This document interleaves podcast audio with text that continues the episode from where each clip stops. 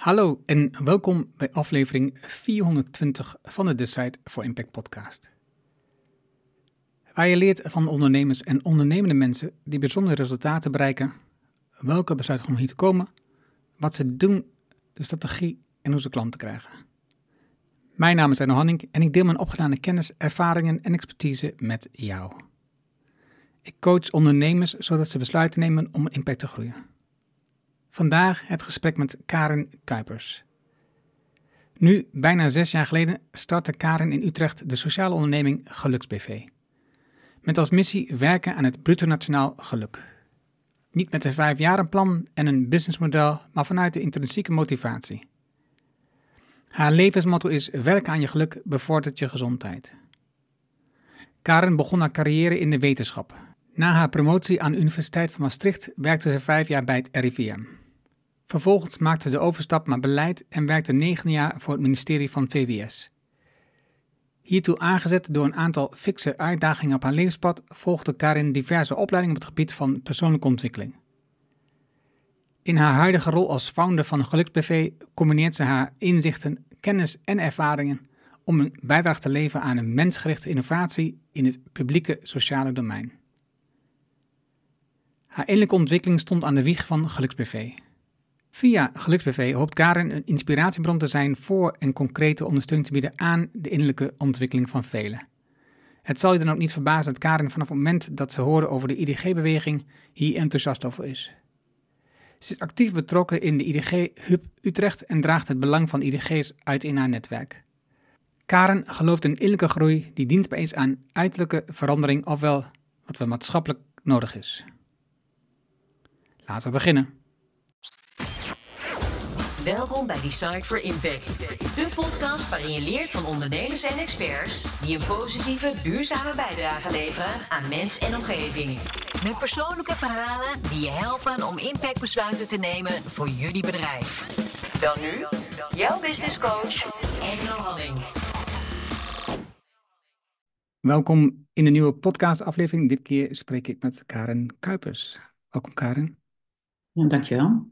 Fijn om hier te zijn.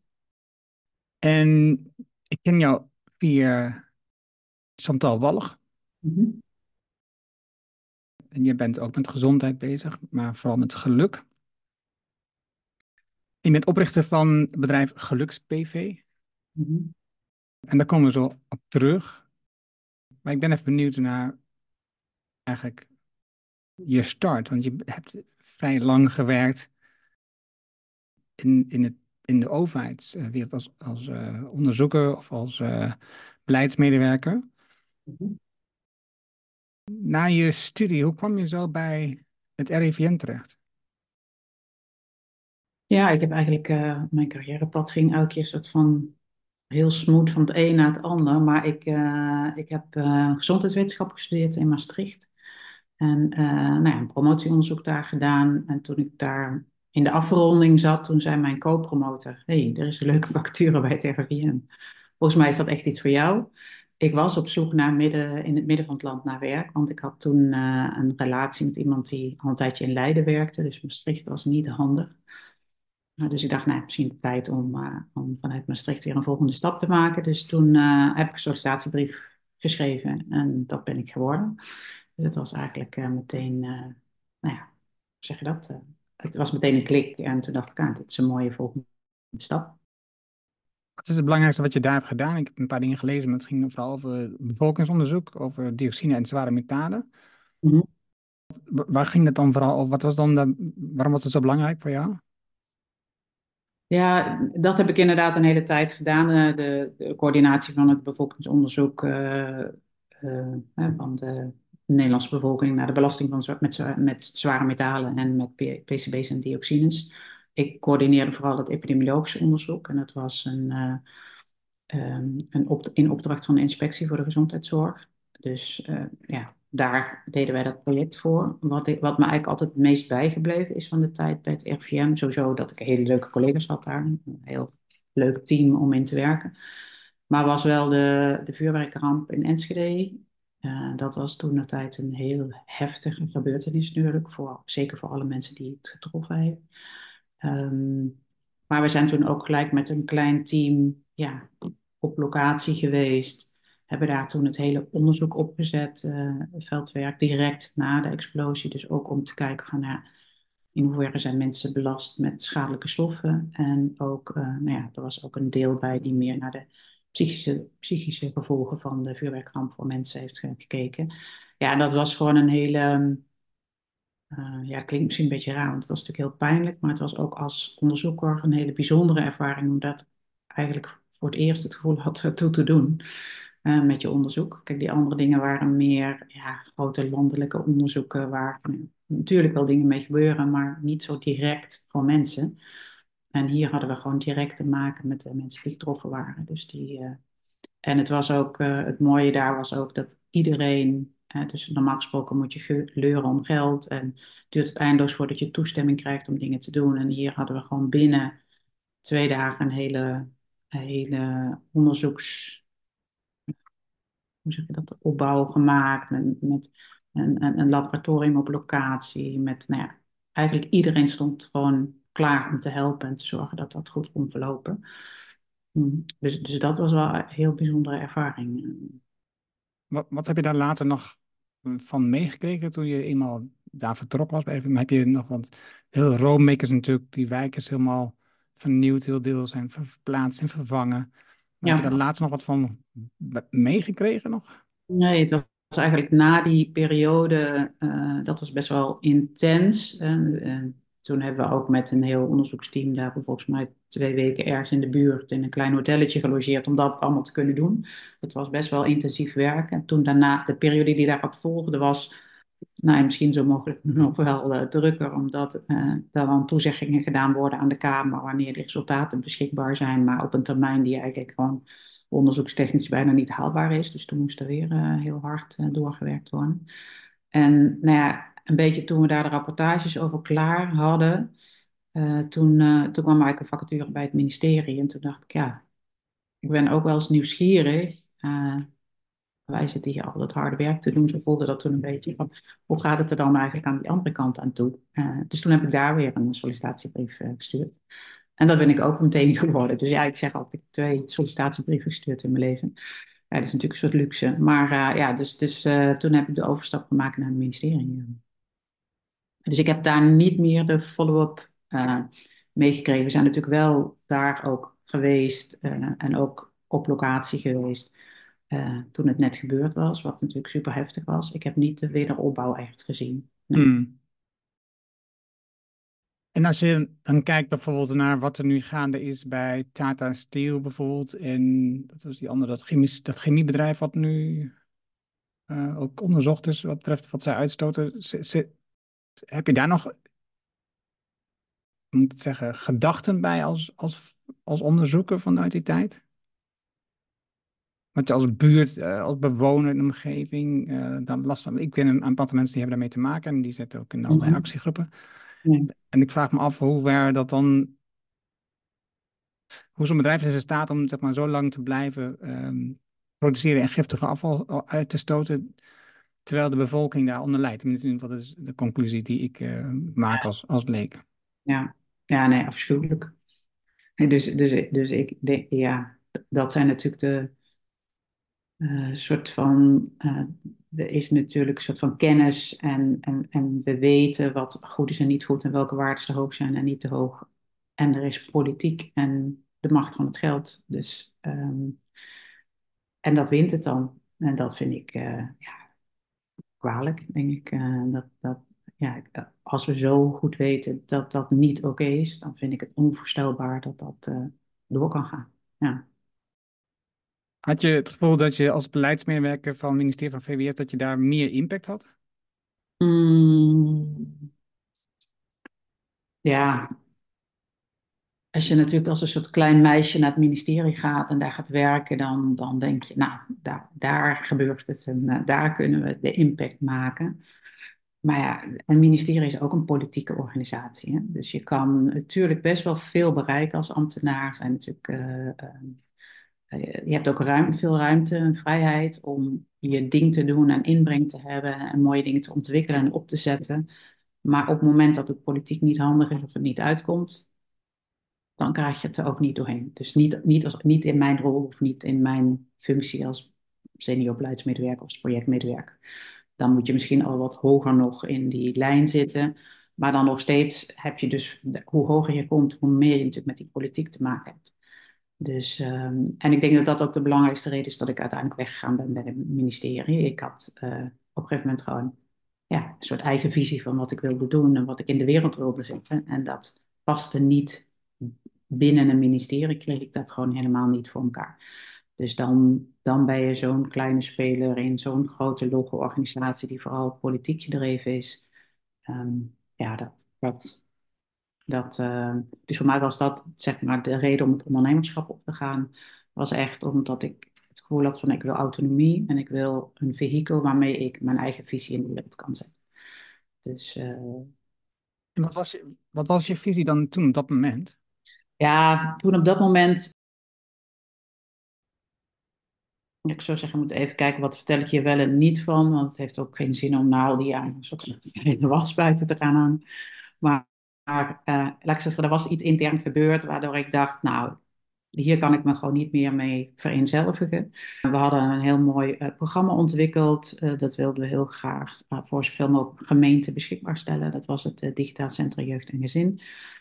En uh, nou ja, ik ben weggegaan bij het ministerie en ik ben um, in een bedrijfje gegaan uh, waar we bezig waren met de ontwikkeling van dat digitale centrum jeugd in de zin. En we hebben toen het zelf gedaan. Dus wat het ministerie eigenlijk gestopt had, uh, om allerlei redenen, hebben we toen zelf doorontwikkeld en beschikbaar gesteld aan gemeentes. Dus zeg maar, we zijn toen teruggegaan met dat bedrijfje naar de markt en gekeken van, als het dan niet linksom rechts kan, kan het dan rechtsom. Dus dat hebben we toen uh, uiteindelijk geloof ik in 70 of 80 gemeenten aangeboden. Dus, uh, dus dat was mijn start in het ondernemerschap. Dus het was niet mijn eigen onderneming. Dus ik werkte in een onderneming van iemand anders. Dat was Hollands Welvaart? Ja. Nou ja, daar ben ik wel zeg maar doorgegroeid van medewerker naar algemeen directeur, mede-aandeelhouder. En nou ja, toen zeg maar, de oprichter uiteindelijk besloot om ermee te stoppen, om allerlei persoonlijke redenen ook, ben ik eigenlijk doorgestart met iemand anders. Maar dat was ook gewoon niet zo'n positief ervaring. Dus uiteindelijk bleek, ja, bleken de motieven van degene die, met wie ik gestart ben, zeg maar, uh, niet zo idealistisch te zijn als mijn uh, motieven. Laat ik het maar zo verwoorden. En uh, nou ja, het heeft een hele tijd geduurd voordat we uit een heel vervelend strijdgebeuren waren, waarbij ik ook wel veel heb moeten opgeven en loslaten. Een stukje verlies heb moeten pakken, denk ik. Zo kijk ik er ieder geval op terug. Maar de winst daarvan is dat ik daarna dacht van ja, nu ga ik het zelf doen. En dat was eigenlijk het begin van GeluksBV. Wat was jouw gevoel toen die oprichter zei, terwijl jij mede-aandeelhouder was, van ik stop ermee? Ja, de redenen waarom hij wilde stoppen waren voor mij heel begrijpelijk. Hè? Dus, dus dat snapte ik heel goed. Maar het was voor mij wel heel jammer, want die zeven jaar daarvoor waren uh, een hele prettige samenwerking.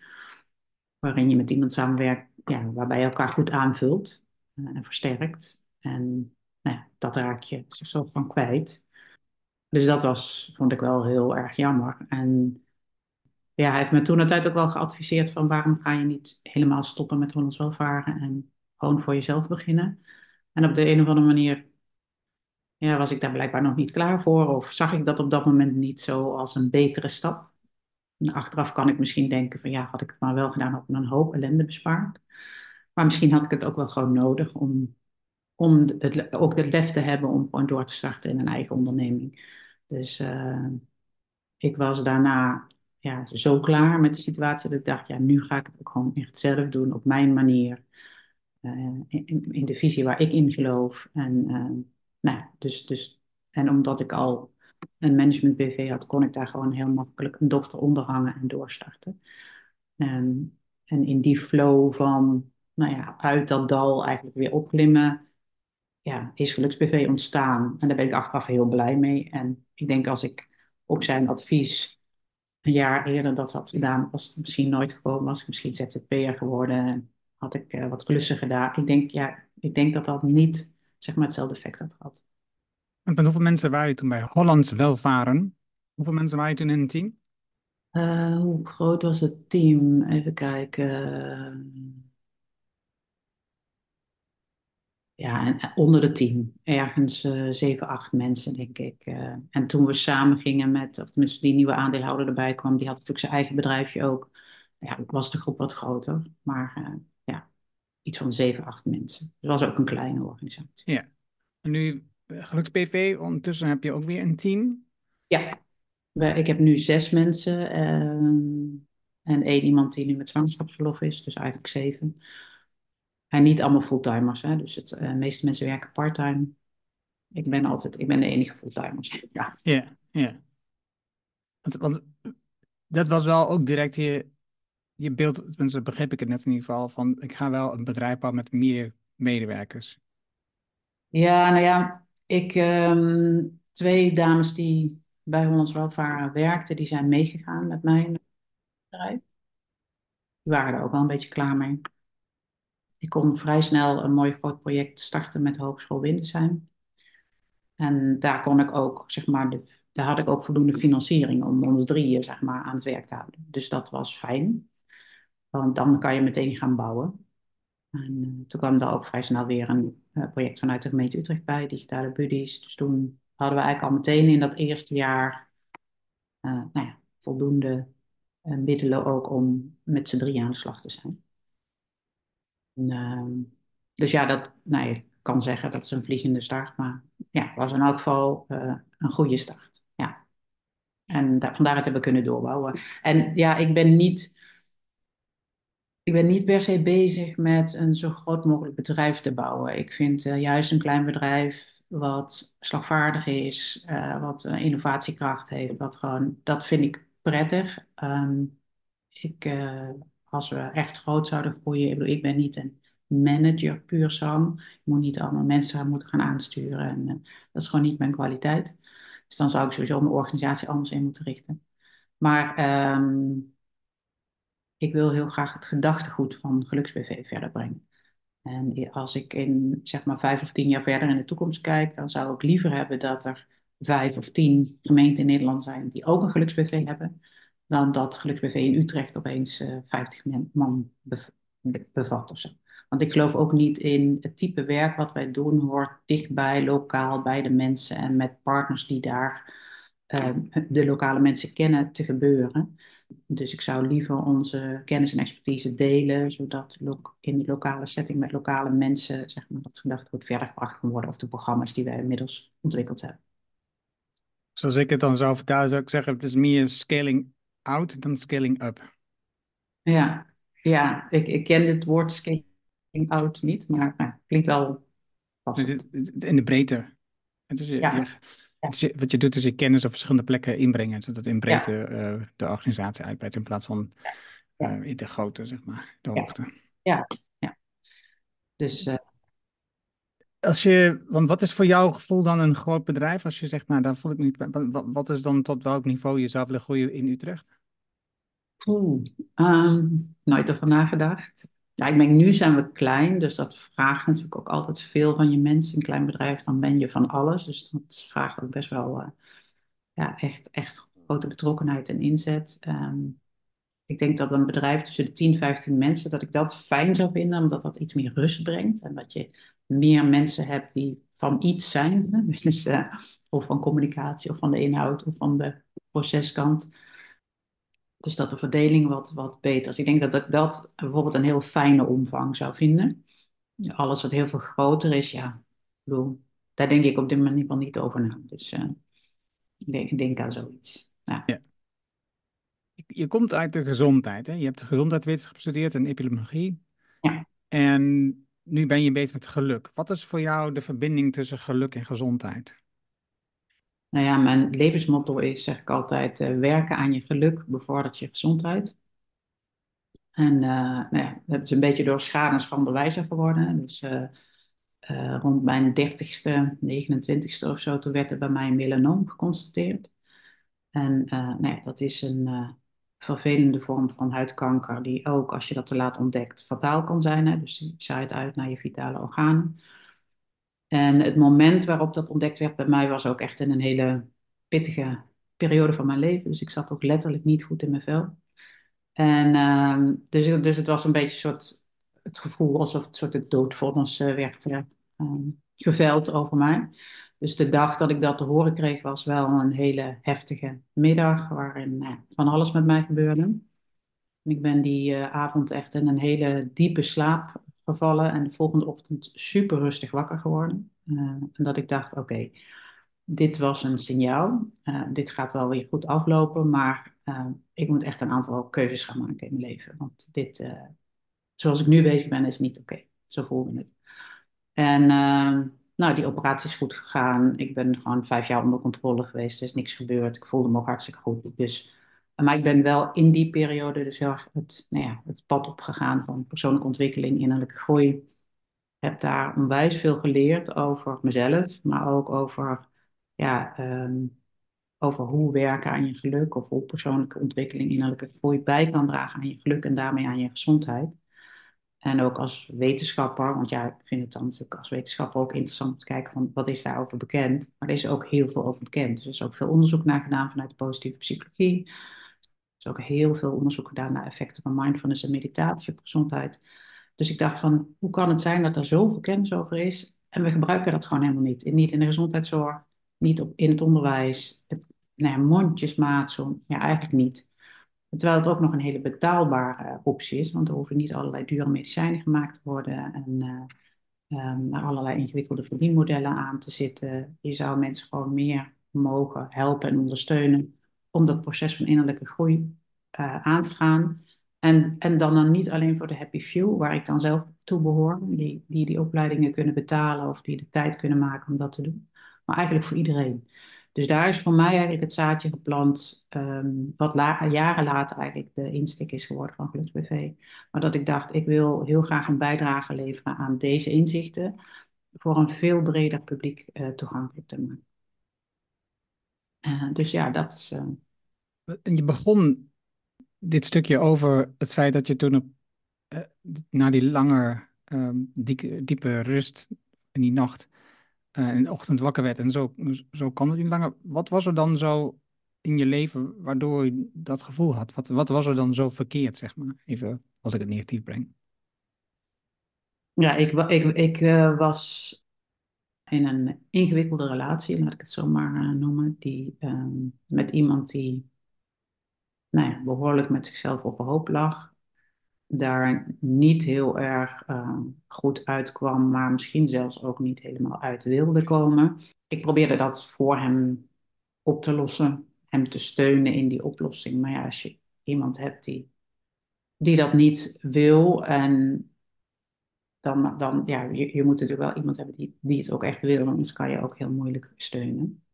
Uh, dus ik, ik verloor mezelf daar heel erg in. Dus ik deed eigenlijk mezelf tekort, mijn gezondheid tekort, om maar voor die ander te zijn nou ja, dat gaat op een gegeven moment, uh, kost je dat je gezondheid. Dat was in ieder geval mijn conclusie.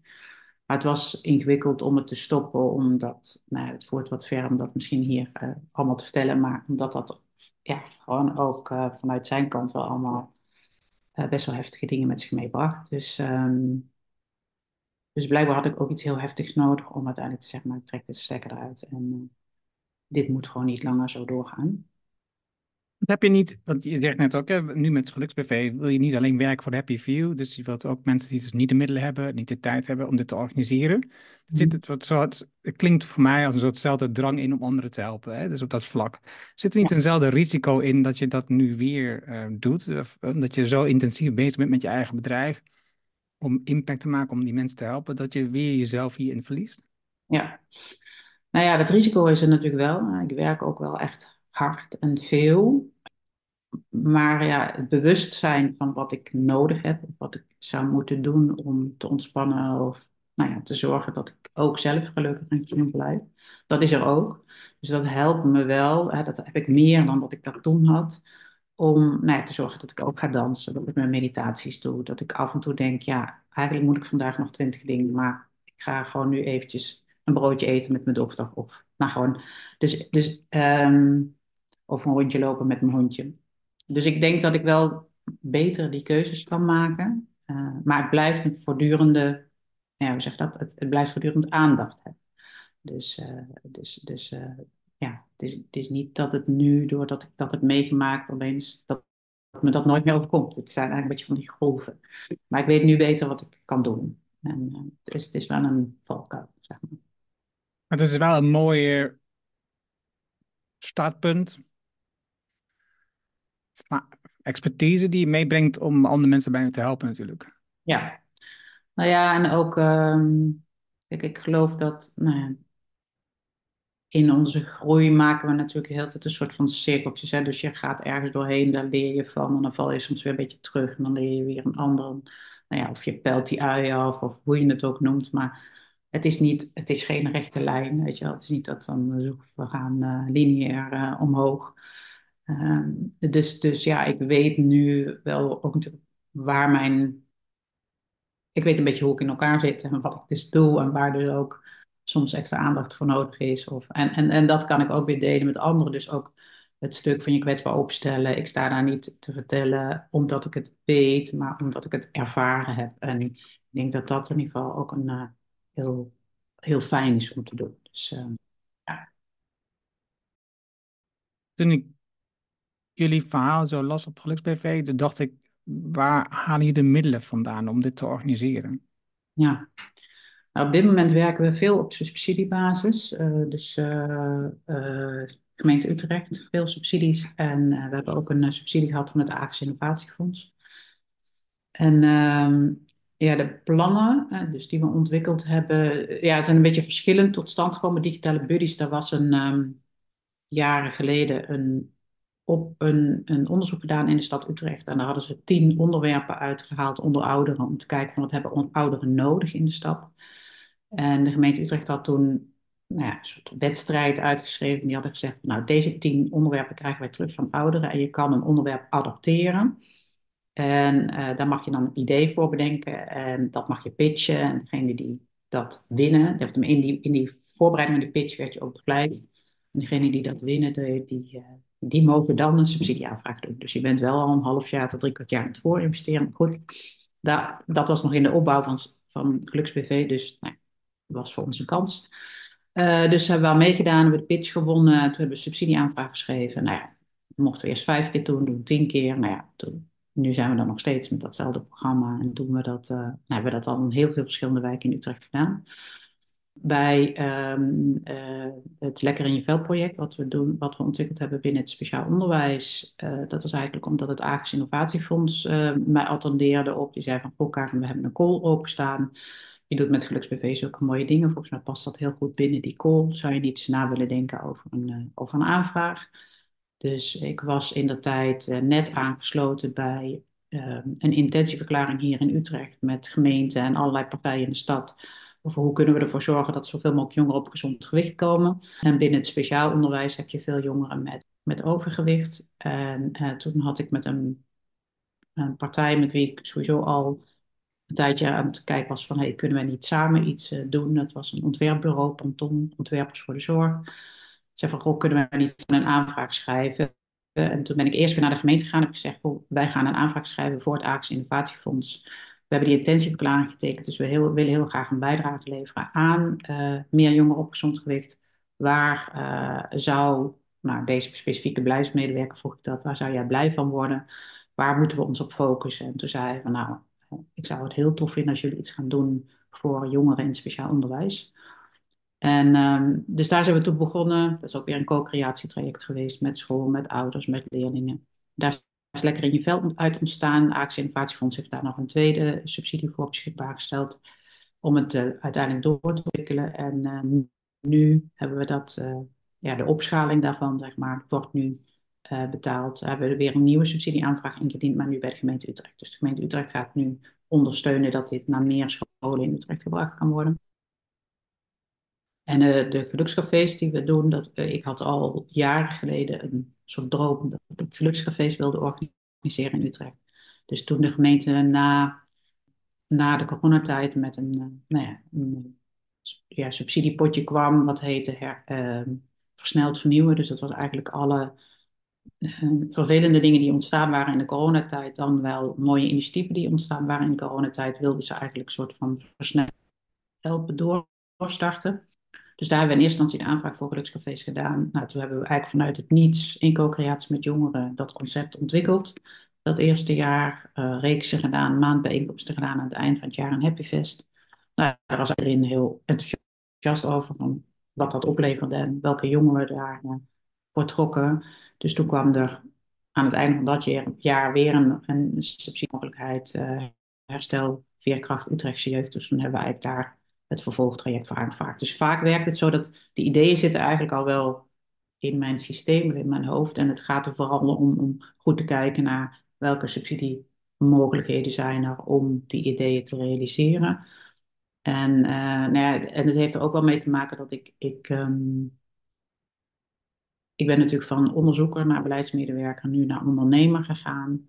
Uh, dat zijn verschillende uh, plekken op dat speelveld van die publieke opdracht. Maar ik, ik wil gewoon een bijdrage leveren aan de publieke gezondheid, uh, het geluk, het welzijn van mensen. En voor mij maakt het niet uit vanuit welk plekje op dat speelveld, om het zo maar eens te zeggen. En, en, en dus ik zoek ook wel heel erg naar de partners um, als gemeentes of partners vanuit het sociale domein met wie ik samenwerk. En dan zit je heel veel in die subsidierelatie. Um, dit is wat moeilijker zeg maar in die zin commercieel te maken in die setting. Uh, misschien dat we op termijn nog wel meer voor bedrijven uh, in de opdrachtensfeer zouden gaan werken. Uh, maar, maar binnen dat publieke domein is, is het eigenlijk nou ja, vooral op subsidiebasis. Maar we hebben nu voor Geluksfeest 2,5 jaar, voor Lekker in je Veld 2,5 jaar. En voor digitale buddies ligt er ook een meerjarige aanvraag. Dus dat betekent ook dat we wel nou ja, kunnen bouwen omdat we meerjarig gefinancierd zijn. Dat is overigens voor het eerst. Uh, alle andere jaren was het steeds van jaar tot jaar. Dus heb je wel meer de druk om het jaar daarop weer wat anders te hebben. Maar uh, ja, nu hebben we uh, iets meer rust in de organisatie. Je vertelde net dat, het, hier al dat je een BV hebt, dus, dus een BV-constructie. En dat is in principe natuurlijk een organisatiestructuur die, van je zou kunnen zeggen, die gedreven wordt door winst. Dat je uiteindelijk daar als ondernemer ook winst uithaalt, extractie van winst. Mhm. En je zit heel erg in het publieke domein. Hoe, hoe, hoe, hoe, hoe verhouden zich die in jouw gevoel tot elkaar? De, de, de gedachte van een BV-structuur en publieke domein werken? Ja, nou ik. Um, dat heeft dus met de start te maken. Toen ik startte, had ik natuurlijk die management BV. En de makkelijkste en snelste manier om door te starten was om daar een dochter onder te hangen. Uh, ik wilde toen een BVM oprichten, maar dat is tot op de dag van vandaag nog steeds niet uh, gerealiseerd. Dus dat is wel heel erg jammer. Ik ben toen wel met, uh, met Social Enterprise Nederland in de weer geweest, omdat zij toen net ook ondernemers aan het ondersteunen waren om, nou ja, je kan binnen je statuten een klein beetje hè, doen om wat dingen op te nemen over transparantie, over hoe je de winst wil beleggen, over je doelstelling van je BV. Om te zorgen dat, het, nou ja, dat je daar in ieder geval al een soort eerste stapje op weg naar die BVM uh, kan zijn. Kijk, ik zeg al, de BVM bestaat niet als juridische structuur, maar ik ben hem wel. Voor me. Dus ik, ik, uh, voor mij ging het om het feit dat ik, ik wilde autonomie en ik wilde doorstarten. En ik wilde niet een half jaar bezig zijn met een bestuur vinden en een stichting oprichten. En een, nou ja, ik, ik had daar, ik wilde het momentum eigenlijk gebruiken.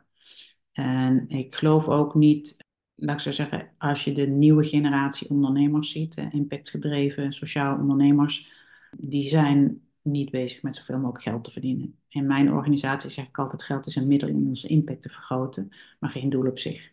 En ook dat is een ondernemer. Dus ik um, zou heel fijn vinden als we niet meer kijken naar de ondernemer als zijnde puur commercieel gedreven, maar juist ook uh, impactgedreven. Um, en uh, dat is in ieder geval wel wat GeluksBV waar Geluk BV voor staat en, en, wie we zijn en wat we doen. Dus ja, en, en, en dat moeten we ook wel regelmatig uitleggen in, uh, in de publieke sector, omdat er natuurlijk in eerste instantie wel zo, zo naar gekeken wordt. Maar ik vind wel fijn dat er wel steeds meer ruimte voor komt. Dat is dus niet per, en zeker als je de kans krijgt om je verhaal te vertellen um, en kennis te maken met mensen, dan valt dat uh, vooroordeel vaak wel weg. Ik stel die vraag ook omdat ik vandaag, en komt dan binnenkort online, uh, het gesprek heb met uh, Nina de Kort eigenlijk. die gouden zwangerschap versneld. Dus uit, het is nu met Gijsbert Koren, um, die hebben het boek gegeven en het gaat over steward ownership. En dus, dus ik was daar veel mee bezig, dus daarom was die interesse bij mij even op dit moment uh, heel uh, aanwezig. Ja. Nu ben jij een maand geleden, is het ongeveer denk ik nu, ietsje, ja, ongeveer een maand geleden, naar Stockholm geweest, naar het, uh, het grote congres over, van de Inner Development Goals. Mm -hmm. In relatie tot jouw werk uh, met geluksbv, wat heb je daar gezien? Wat, wat, wat, wat raakte je het meeste op dat vlak?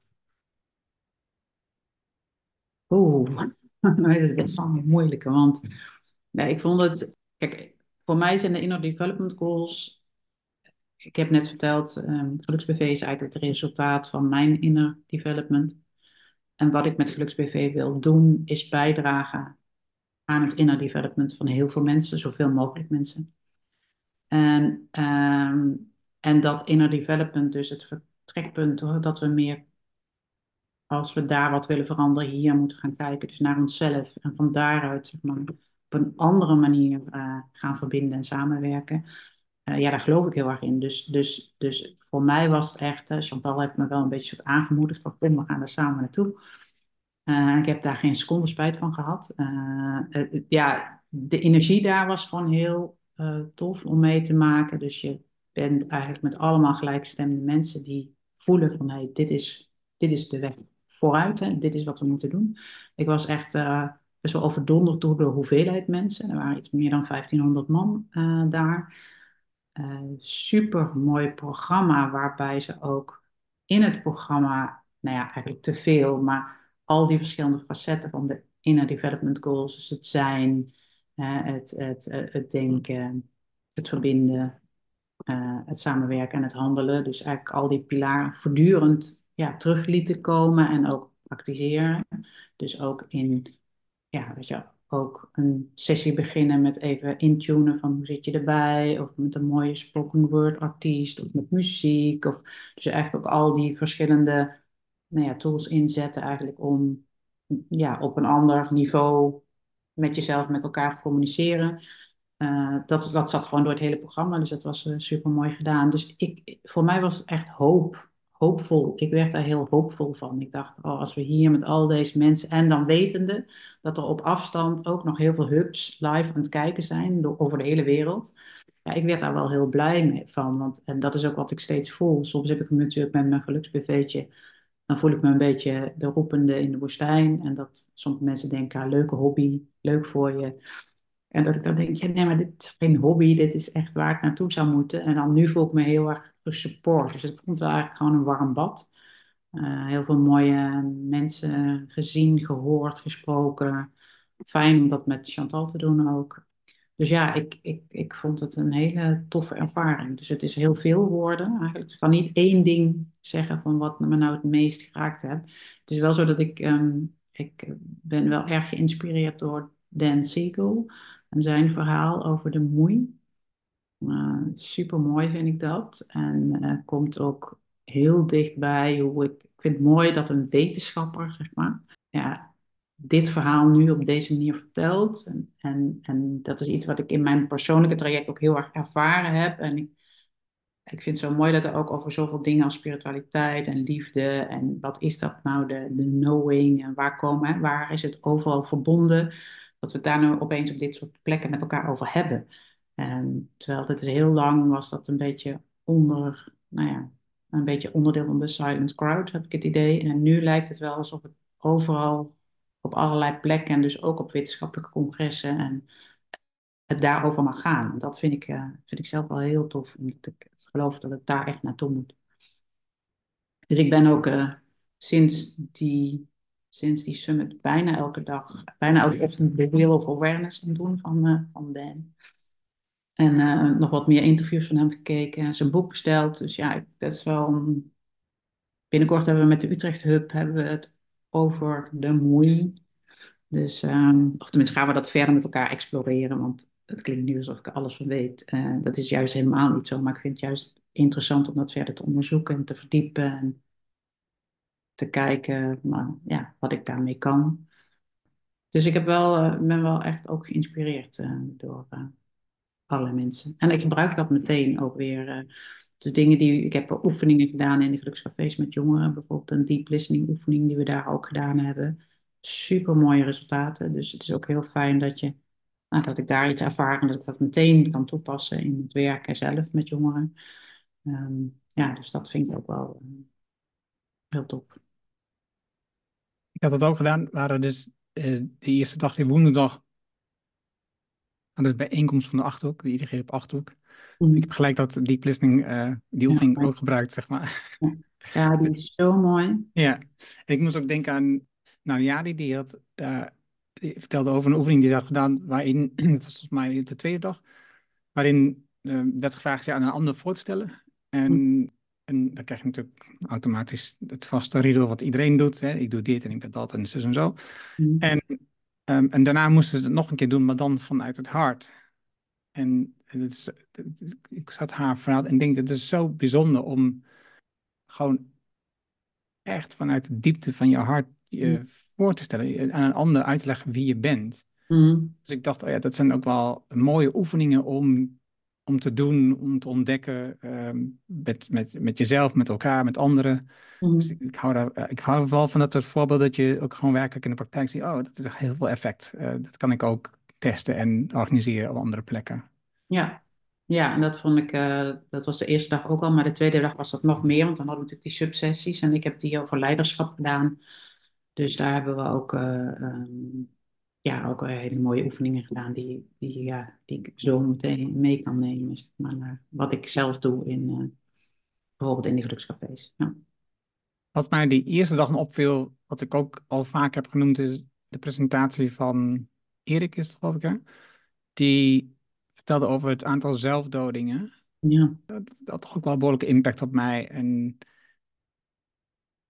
en dan zie ik ook, nu we dit gesprek hebben, wel weer de relatie over geluk en over in staat zijn om je gevoelens te delen. En, ja, en ik zag ook die, dat jullie bij het gelukscafé hadden je die film getoond, zo'n korte film van de Ja, studenten. gaan we- donderdag gaan we die bekijken Oh, met dat is donderdag. Oké. Ja. Ja, ja, dat, dat, ja, ik ben ook heel benieuwd hoe dat is. En het gaat natuurlijk heel erg over eh, een stu ja, student, de leukste tijd van je leven, de mooiste tijd van je leven. Maar ervaren jongeren dat wel zo? En natuurlijk heel veel jongeren, weten we ook, ervaren dat helemaal niet zo. En eh, ja, ook hier in Utrecht eh, zijn er ook eh, nou ja, in het jaar, volgens mij net na corona of in het coronajaar nog, ook best wel veel zelfdodingen geweest onder jongens die ook deel zijn van dat soort studentenclubs. En ehm, nou, dat is gewoon heftig, omdat dus, dus het meisje, die HKU-student die deze film heeft gemaakt, Dané, zij is eigenlijk ook dat ze dacht, van, nou, ik wil daar gewoon iets over eh, maken. Dus zij heeft die film gemaakt als haar afstudeerproject en die gaan we dan donderdag bekijken. En dan is er ook een nagesprek en dan gaan we ook kijken, nou wat, wat roept dat eh, op? Of de mensen hebben daar wat, wat, we doen meestal wat werkvormen, omdat dat het, het fijnste is om het gesprek te voeren. Ehm, ehm, dus ja, dat is ook wel bijzonder. We proberen ook echt altijd wel gewoon de inbreng van jongeren in zo'n gelukscafé te hebben. Dus dit is ook gewoon een jonge dame die nou ja, dit onderwerp heel graag eh, wil, bespreekbaar wil maken en daar dus haar film op gaat. En wij bieden dan dat podium eigenlijk. Ja. Ja, super. Wat is, wat is voor jou eh, de volgende stap met, met GeluksBV? Wat zie jij als een belangrijk element naast natuurlijk deze drie programma's die beschreven door te zetten en uit te bouwen? Maar wat zie jij als belangrijke stappen?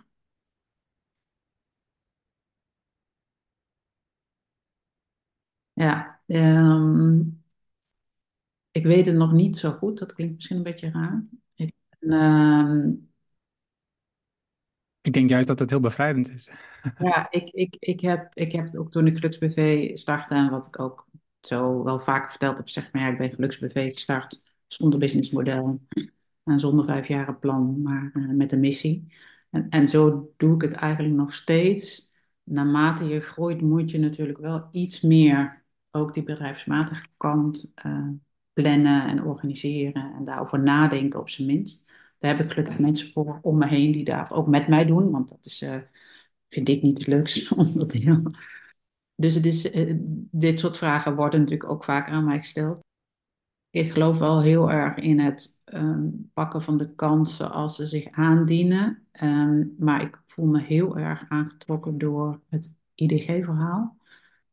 Ik stiekem zit ik af en toe te denken, misschien moet ik het uh, leadership-programma gaan doen, wat ze volgend jaar gaan starten. Maar ik weet nog niet of ik die ruimte kan maken voor mezelf. Maar dat zou ik wel. Uh, ik voel eigenlijk dat door de hele IDG-beweging er nog meer potentie komt eigenlijk voor GeluksBV en het verhaal van GeluksBV, omdat dat eigenlijk één op één aansluit. Um, het, dus ik heb het gevoel dat dat elkaar heel erg kan versterken en kruisbestuiven. En dus daar zit nu mijn energie, daar zit mijn verlangen. Maar in plannen heb ik dat nog niet, uh, niet uitgewerkt. Dus, uh, Twee vragen die mij hierbij opkomen. De, de, wat, wat houdt je tegen? Om, want je zegt, hè, ik weet niet of dat ruimte voor kan maken, maar uiteindelijk, jij bepaalt toch of je de ruimte maakt of niet? -hmm. Heel, heel goed. ja, nou ja, ik, ik heb even snel, ge, uh, of tenminste snel, we hadden, ik had een tijdje teruggekeken, toen dacht oh, Nederland zit ook in het rijtje van mensen die mee doen. Toen had, begon het al een beetje te kriebelen. Toen kregen we nog een keer een melding. Toen stond Nederland er opeens niet meer tussen. Dus toen dacht ik, hé, hey, hoe kan dat nou? Maar dat is denk ik een foutje, want in de laatste mailing stond Nederland er wel weer tussen. Uh, ze hebben ook de deadline verplaatst naar 31 januari. Dus ik dacht, nou, dat, uh, dat geeft in ieder geval ruimte om nog even na te denken. En, uh, maar ze starten ergens in een week in april. In, waar was het? Wat was het nou? Was het Italië of was het Afrika? Wat was het ook Tanzania. Dit. Ja, dat kan ook. Ik, ik heb, want ik was bij de eerste introductie ook bij. Dus ik heb het wel gehoord, maar ik weet het niet meer zo snel. De bedoeling is volgens mij dat je die, uh, en niet dat dat dan meteen de grootste van zo, maar die kosten en die tijd moet je natuurlijk daar zelf in stoppen, wat op zich ook logisch is. En ik, ik zat nog een beetje te, maar waar mijn grootste, en waar heb ik nog niet voldoende, zeg maar, onderzocht. Ik dacht ook dat ze vroegen om organisaties waar je tenminste, zeg maar, meerdere mensen van jouw organisatie daar naartoe konden sturen. Twee, minimaal twee, maximaal vier ja, nou ja, en, en daar zit wel een soort dat ik dacht, hmm, dat is, ja, we zijn heel klein, dus als je dan nou met twee mensen. Maar kun je daar wel een constructie voor bedenken? ja, ik, ik dacht al van, uh, kan natuurlijk ook, uh, er zitten ook mensen in mijn raad van inspiratie voor.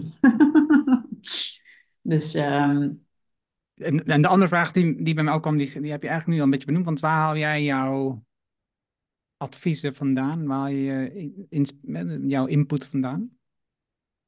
Nou, ik, ik, ik merk dat ik heel, sowieso ook heel fijn nog kan putten uit al die jaren dat ik uh, bezig ben geweest met persoonlijke ontwikkeling. Al die uh, dingen, die tools die ik zelf gebruikt heb, zeg maar, om mezelf uh, te helpen, te ondersteunen, die zet ik ook nu weer in in het doorgeven. Dus, dus dat had ik eigenlijk nooit zo bedacht toen ik die opleidingen deed want ik deed het eigenlijk vooral voor mezelf. Uh, maar er zijn heel veel dingen die heel erg bijblijven, waardoor ik nu ook weer heel mooi kan doorgeven. Dus dat voelt goed. En ik heb een raad van inspiratie um, ingesteld, want ik dacht op een gegeven moment van ja, als BV hoef je geen raad van bestuur of. maar ik dacht, ik wil wel iets, maar ik wil niet mensen die mij gaan controleren. Want ik heb een accountant en al die financiële dingen, dat is gewoon netjes op orde. Dus ik wil gewoon mensen die mij inspireren, waar ik me een beetje, nou ja, waar, we samen leren en kijken van, uh, vooruit kunnen kijken van hé, hey, wat zouden dingen zijn die we nog meer kunnen doen. Dus daar heb ik een aantal mensen uit mijn netwerk voor gevraagd. En nou, het leuke daarvan was dat ze allemaal meteen ja zeiden. Dus dat was ook was spannend toen ik ze vroeg, maar dat was eigenlijk heel leuk. dus dat is bijvoorbeeld leuk. En ja, ook zo'n, zo'n weet je, zo'n summit. Um, ik, ik luister graag podcasts. Uh, boeken lees ik veel te weinig, maar zou ik wel ook nog meer willen doen. Uh, dus, dus, dus ja, dus een beetje uh, ben denk ik wel gewoon iemand die heel leergierig en geïnteresseerd is in heel veel dingen die er gebeuren. Dus ik heb altijd het gevoel dat ik te weinig tijd heb om mezelf te voeden. Maar ja. Want hoe, hoe, hoe organiseer je dat contact met de Raad van Inspiratie? Heb je vaste afspraken? Hoe doe je dat? Ja, we komen eigenlijk meestal um, drie tot vier keer per jaar samen. En dan uh, gaan we lekker eten. Hij hier thuis meestal. Dus, dus uh, als mijn partner zin heeft, dan kookt hij voor hen. Dus dat is fijn. En dan, eh, en dan hebben we, ja, afhankelijk van wat ik wil gaan doen of waar mijn behoefte ligt. We hebben het eigenlijk nu de afgelopen twee keer al best veel over de IDG's gehad. Dat is uh, zeg maar in eerste instantie door Chantal ingebracht en ook een beetje gaan leven. Dus, dus of ik breng wat in of zij brengen iets mee. Dus, dus het is wel redelijk gewoon explorerend en wat zich op dat moment aandient, wat ik nodig heb of wat zij willen delen. Uh, dus er zit niet een heel programma in of zo. En, um, en, en, en met sommige, met Chantal heb ik wat meer contact tussendoor, maar eh, in principe is het ook um, als zij tegen dingen aanlopen waarvan ze denken, hé, hey, is interessant voor Karen, of weet je, dan kunnen ze mij ook altijd gewoon even tippen of iets delen. Of soms is het netwerkcontacten die ze voor me organiseren. Dus een beetje op dat niveau. Want hoeveel mensen zitten erin? In totaal vier. Oké. Okay. Ja. Mooi. Mooi georganiseerd. Ja. ja, dat vind ik ook heel leuk. Het voelt ook uh, uh, het hebben daarvan en, en sowieso fijne mensen die daarin zitten. voelt ook heel uh, support, hoe zeg je dat? Ja, het voelt als support eigenlijk voor wat ik aan het doen ben. Ja. Het Happy Fest is ook binnenkort, als ik het goed heb onthouden, toch? Ja. 14 december is er weer een Happy Fest. Dus uh, ja, superleuk. Uh, is eigenlijk ontstaan doordat we in eerste instantie hadden we bedacht, maar was, we, zijn met die subsidie, die allereerste subsidie begonnen van we gaan gelukscafés doen en in hetzelfde jaar gaan we een soort trainde trainer ontwikkelen. Ja, dat was natuurlijk drie bruggen te ver. Dat, dat kan eigenlijk bijna niet als je vanuit niets moet beginnen. En toen dachten we ja, we, eigenlijk willen we die beweging van en voor en door jongeren laten zijn. Dus als we dat Happy Fest organiseren, we geven de mogelijkheid om workshops en activiteiten tijdens dat Happy Fest door jongeren zelf te laten verzorgen, heb je eigenlijk een veel mooier concept. Nou, gelukkig vond de gemeente dat ook, dus hebben we dat op die manier bijgesteld. En uh, ja, dat is super mooi om te zien. Dus we doen een avond waarbij we, nou ja, ja het is heel erg IDG-waardig, denk ik. Want we hebben altijd ook wel iets van muziek of spoken word of iets theater en allemaal over het onderwerp. Um, en nou, deels jongeren die, die we het afgelopen jaar hebben ontmoet of die we eerder hebben ontmoet, uh, die workshops verzorgen. En deels mensen die we zelf kennen uit ons netwerk. Dus we bieden eigenlijk een gevarieerd programma aan om nou ja, een beetje op onderzoek te gaan naar wat, wat is voor mij, wat draagt voor mij zeg maar, bij aan, aan mijn geluk. Of um, in het zelfonderzoek, wat heb ik nu nodig. Um, en, en die avond is ook vooral wel om een beetje een leuke, gezellige avond waarbij je heel veel andere jongeren ontmoet. Uh, maar een beetje kennis van maken met de gelukscafés. Of als je het hele jaar mee hebt gedaan, een beetje een soort feestje om te vieren dat je nu wat mensen hebt leren kennen. En uh, ja, tot nu toe is dat elke keer een hele, hele bijzondere avond. Is nog één ding wat me nog intrigeert in het verhaal. Is dus geluk. Hè? Dus, uh, het zit natuurlijk ook een beetje in development goals uh, gedachte achter. Het gaat over de innerlijke ontwikkeling van jezelf. Het geluksontwikkeling van jezelf. Dat kan een heel erg um, zelfzuchtige actie worden. Dat je gewoon bezig bent met je eigen geluk. Mm -hmm. Hoe zie je dat? Nou ja, sowieso is het altijd belangrijk om geluk te duiden. Hè? Dus in de zin van geluk gaat niet over de hele dag maar gelukkig zijn. Het gaat juist ook over veerkracht. Hè? Dus om kunnen gaan met tegenslag. Dus het gaat heel erg over bewustzijn, ontwikkeling en vaardigheden die jou ook kunnen helpen op het moment dat het leven lastig is. En die geluksmomentjes kunnen vergroten. Dus eigenlijk, uh, ja, dus als ik bijvoorbeeld meer bezig ben met dankbaarheid, het beoefenen van dankbaarheid, dan ga ik vaker ja, stilstaan bij waar ik, wat me eigenlijk blij maakt waar ik eigenlijk dankbaar voor ben. Dus, dus daarmee optimaliseer je eigenlijk je, je geluksmomentjes. Ik geloof ook dat um, uh, wat ik in mijn lezingen eigenlijk altijd laat zien is het plaatje uit het, uh, van iemand die uh, in het vliegtuig nou ja, je krijgt altijd het voorbeeld dat je eerst je eigen um, zuurstofmasker op moet zetten om vervolgens je kinderen of de mensen om je heen te helpen. Um, en, en zo zie ik het eigenlijk ook. Je persoonlijke ontwikkeling, je innerlijke groei heeft niet als doel om zelf de meest gelukkige mens op aarde te worden, maar om dienstbaar te zijn aan wat er nodig is in de maatschappij. Dat kunnen de mensen om je heen zijn of eh, nou ja, de grotere vraagstukken waar we nu mee. Uh, dus persoonlijke ontwikkeling dienstbaar aan uh, maatschappelijk, dus persoonlijk geluk eigenlijk dienstbaar aan maatschappelijk geluk. Zo noem ik het eigenlijk altijd bij geluks, geluksbv. Gelukschap, ja, bij geluksbv inderdaad dus in de lezingen en workshops die we doen. Um, Dus voor mij, ik zie dat niet als een zelfzuchtig iets. En ik denk ook, ehm, als wij teruggaan naar onze zijnskwaliteit, dus wie ben ik, wat, ehm, dat is, dat is eigenlijk de plek waar wij per definitie met elkaar verbonden zijn. Dus het gaat nooit alleen over jezelf. En daarom vind ik het ook zo fijn om het in groepen te doen, omdat je, zonder dat je dat misschien benoemt, al meteen gebruikt eigenlijk dat het zo is. Dus dat wij met, dus het werken met jongeren in groepen, het is ook de herkenning, het, het zien dat je eigenlijk veel meer op elkaar lijkt dan van elkaar verschilt. Uh, en, en de energie is daar ook altijd hoger om uiteindelijk weer nou ja, te weten welke, wat zijn mijn, mijn volgende stappen of niet eens per se stappen, maar waar ben ik nu? Um, dus in die, op dat niveau van het te zijn, ja, is alles en iedereen met elkaar verbonden, is wat ik voel. Dus daarom zie ik het ook niet als een individuele actie. Jan Willem de Graaf zegt dat is mooi. Wij zijn eigenlijk genetisch um, nauwer aan elkaar als, als iemand uit Nederland vergelijkt bijvoorbeeld met iemand uit China, dan mm. twee hondenrassen. Mm -hmm. Ja. Dus ja. Om maar aan te geven hoe dicht we bij elkaar staan. Weet je, dat er verschillen zijn kleiner en de overeenkomsten zijn veel groter dan we eigenlijk vaak uh, realiseren en ook werkelijk inzien. Er is een heel mooi Deens uh, filmpje over, dat ken je misschien wel. Uh, All That We Share, anders moet je maar eens opzoeken.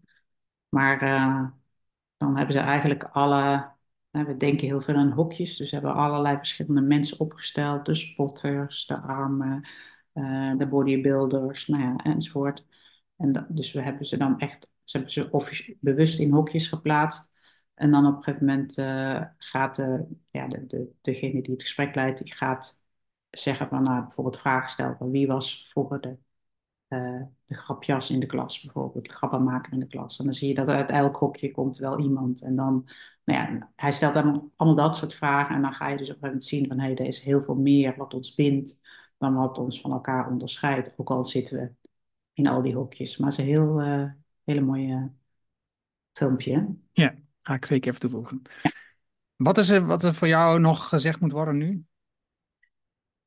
Oeh, nou, ik had geen idee welke, welke kant het gesprek op zou gaan, omdat wij elkaar natuurlijk ook nog helemaal niet zo goed kennen. Ik heb vooral uh, zitten kletsen, dus ik weet eigenlijk nog heel weinig van jou, maar doen we misschien op een ander moment nog. Ja. Um, ja, ik vond het in ieder geval heel fijn om hier te zijn, uh, om dit gesprek te hebben. En um, um, ja, wat moet er nog gezegd worden? Ik denk dat ik vanuit mij eigenlijk heel veel heb gedeeld. Uh, en uh, wel weer spannend om het straks terug te horen. Want, uh, ik denk, wat heb ik eigenlijk allemaal gezegd? Maar goed, dat is dan niet een teken dat we een heel normaal gesprek hebben gehad. We zeggen dat heel gewoon, nee, niet een gewoon, een echt gesprek heb gehad. Het voelde wel als een echt gesprek, dus dat is fijn. Um, dat is digitaal niet altijd even makkelijk. We ben eigenlijk heel erg van de fysieke gesprekken zelf. Dus, um, maar um, nee, ik vond het fijn. Ah, mooi te horen, Karin. Ja. Dan bij deze dank je wel voor jouw bijdrage om ons meer te vertellen over geluk, geluks-PV, je organisatie, maar ook de relatie tussen geluk en gezondheid. Mm. En ik moet er altijd denken aan de um, vertellingen van Chantal over de positieve gezondheid. Daar word ik ook altijd heel erg enthousiast van. En zeker ook de relatie natuurlijk met de Development Goals vind ik fantastisch. Uh, daar ben ik ook een groot uitdrager van. Dus voor mij is dat, is dat allemaal mooie signalen dat we uh, ja, toch een aantal dingen op de goede kant op gaan. En tegelijkertijd denk ik ook wel, oh ja, misschien zitten we in een bubbel. Mm. Wat je net al zei, dus dat je, dat je dat gevoel hebt in Stockholm met die 500 mensen die gelijkgestemden. Denk, oh ja, is het dan een bubbel waar we in zitten? Dat wij toevallig die 7000 mensen die op dat moment aanwezig zijn, allemaal ongeveer hetzelfde denken, maar de rest van de wereld niet. Dat, dat, zijn allemaal vragen die bij mij dan opkomen. en mm. ik heb het antwoord niet. Uh, maar ik vond het mooi om van je te leren en ook gewoon de um, linken tussen hoe je van overheid, um, onderzoeken overheid naar uh, ondernemerschap bent gegaan, met eigenlijk nog steeds maar vanuit hetzelfde fundament om te werken aan dat maatschappelijke deel. Uh, Mhm. Dus dank je wel daarvoor. Ja, graag gedaan. En ik denk wat nog leuk is, iemand heeft wel ooit tegen mij gezegd, als die bubbel dan kapot spat, dan hebben we heel veel bubbeltjes overal. Dus misschien begint het in een bubbel, maar, maar eh, kunnen we daar toch zaaien. Dat was het bijzondere gesprek met Karin. Je vindt de namen en links die we noemden in het artikel dat bij deze uitzending hoort. Ga daarvoor naar decideforimpact.com slash show 420. Wil je vanzelf automatisch de volgende aflevering op telefoon ontvangen? Dat kan heel eenvoudig. Heb je een iPhone, dan zit daar standaard de Apple Podcast app op. Open deze app, zoek daar de Decide for Impact podcast op en klik op abonneer. Heb je een Android-telefoon? Installeer dan eerst bijvoorbeeld de Player FM app. Zoek daar de Decide for Impact podcast op en klik op abonneer. Dankjewel hiervoor. Heb je vragen, opmerkingen, reacties over deze aflevering met Karen of over de podcast in het algemeen? Stuur dan een e-mail naar podcast@decideforimpact.com. Ik hoor super gaaf van jou. Wil je leren hoe je focus en energie vindt met jouw innerlijke kompas? Hoe verbinding in je team het verschil maakt? Hoe je vertrouwen krijgt in je collega's en hoe je een moedig mens wordt? Download dan het boek Impact Besluiten waarmee je nieuwe medewerkers aantrekt op de site voorimpact.com. Dit is mijn nieuwste boek en je downloadt het daarom helemaal gratis. Je hebt zelfs geen e-mailadres nodig. Vraag jouw boek nu aan op decideforimpact.com. En ik weet, je hebt een volle agenda, je leest het in één avond uit. Dankjewel voor het luisteren en graag tot de volgende. Dankjewel voor het luisteren naar deze aflevering van de Decide for Impact podcast. Ga voor jouw volgende stap naar decideforimpact.com.